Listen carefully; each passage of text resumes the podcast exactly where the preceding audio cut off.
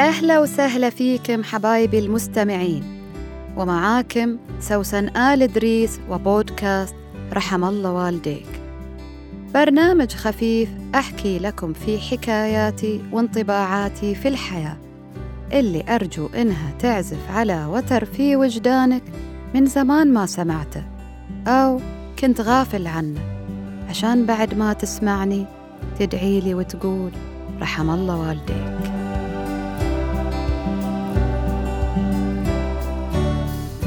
اصبر علي خليني أربيها لك.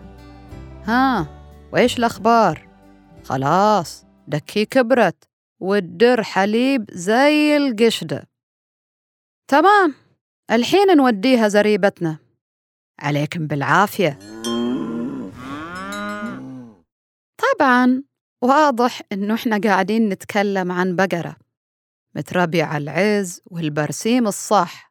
عشان تجيب حليب صح وسعر صح وولادنا وإيش فيهم؟ ربيناهم صح؟ أصلا هل مفروض نربيهم؟ ولا إحنا وإيش مطلوب منا؟ ومنهم أولادنا؟ تعرف من هو ولدك؟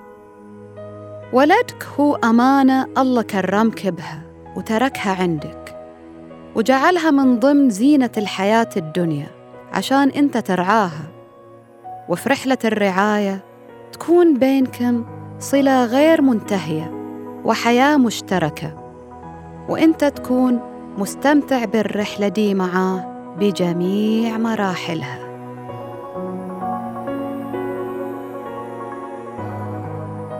أولادنا ما هم عبء نشيل همه ويكونوا مصدر نكد ووبال علينا نستحمله.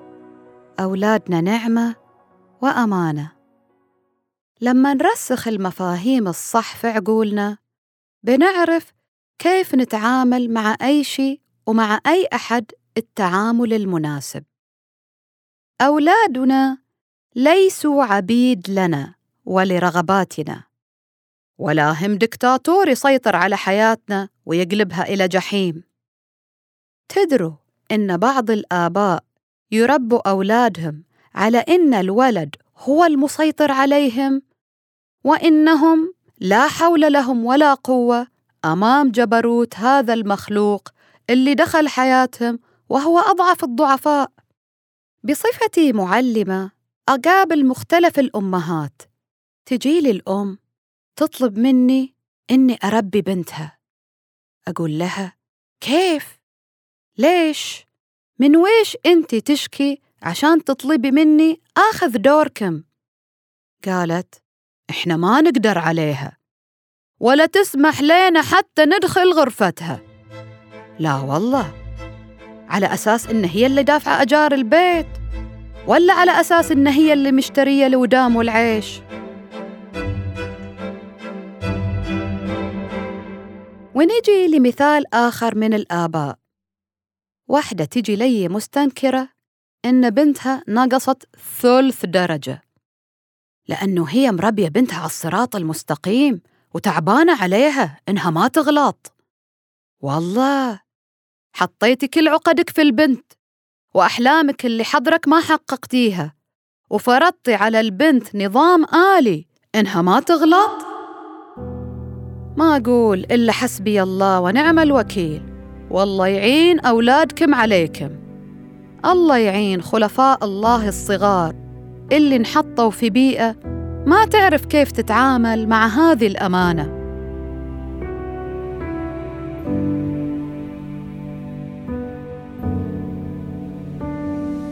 أول حاجة لازم نفهمها في التعامل مع أولادنا إنه لا ترسم شخصية معينة ياخدها الولد. لازم يكون شاطر مرة. لازم يكون متدين مرة. لازم يكون اجتماعي صح. أنت اولا وده أهم شي أعطي القدوة الحسنة. خليه يشوفك وأنت تصلي وتدعي. وعلم فروضه وداوم في السؤال والمراقبة من قريب وبعيد.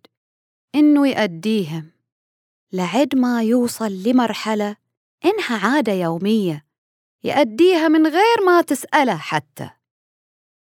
بس طبعا إحنا طبيعتنا الحريصة والقابضة تخلينا دايما نسأل. مو مشكلة. من حقك تطمن أنت بعد. أهم شي لا تخنقه أو تضربه أو تهمله تماما. أنت دورك راعي وليس صانع قوالب وتماثيل. الحاجة الثانية اللي بنحقق بصفتك الراعي لهذه الأمانة إنها تكون مصدر سعادة إلك. استمتع بضحكته وبرفقته. خلك معاه وخليه معاك. خلي علاقة متينة تربطكم. أساسها إنكم حبوا بعض مو تخافوا من بعض. اطمن عليه وهو بعد يصير يطمن عليك.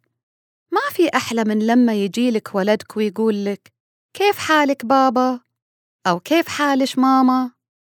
سؤال بسيط يجعلني في قمة السعادة وإنه مشواري مع الولد ده ما ضاع سدى عطيته وعطاني رعيته ورعاني أولادنا نعمة فلا تجعلها وبال ونقمة عليك وعلى الناس وأختم حديثي بحوار لطيف حدث بيني وبين ولدي حسن اللي دايما أحثه هو وأخوه على ممارسة الرياضة.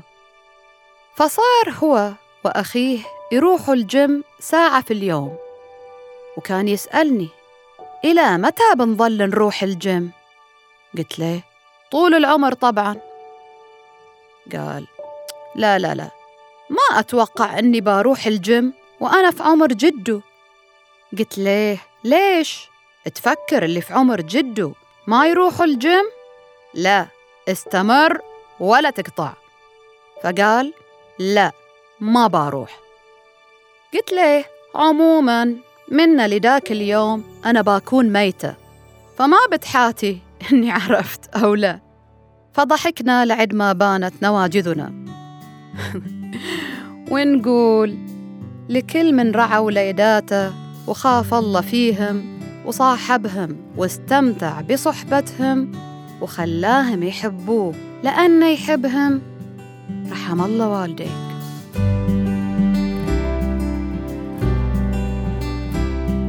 كنت معاك أنا سوسن آل إدريس. لا تنسى تشارك الحلقة مع اللي حواليك وتتابعني على حساباتي في ال social media واللي حطيتها لك في وصف الحلقة. الحين أقدر أقول لك أتمنى لك يوم جميل ورحم الله والديك.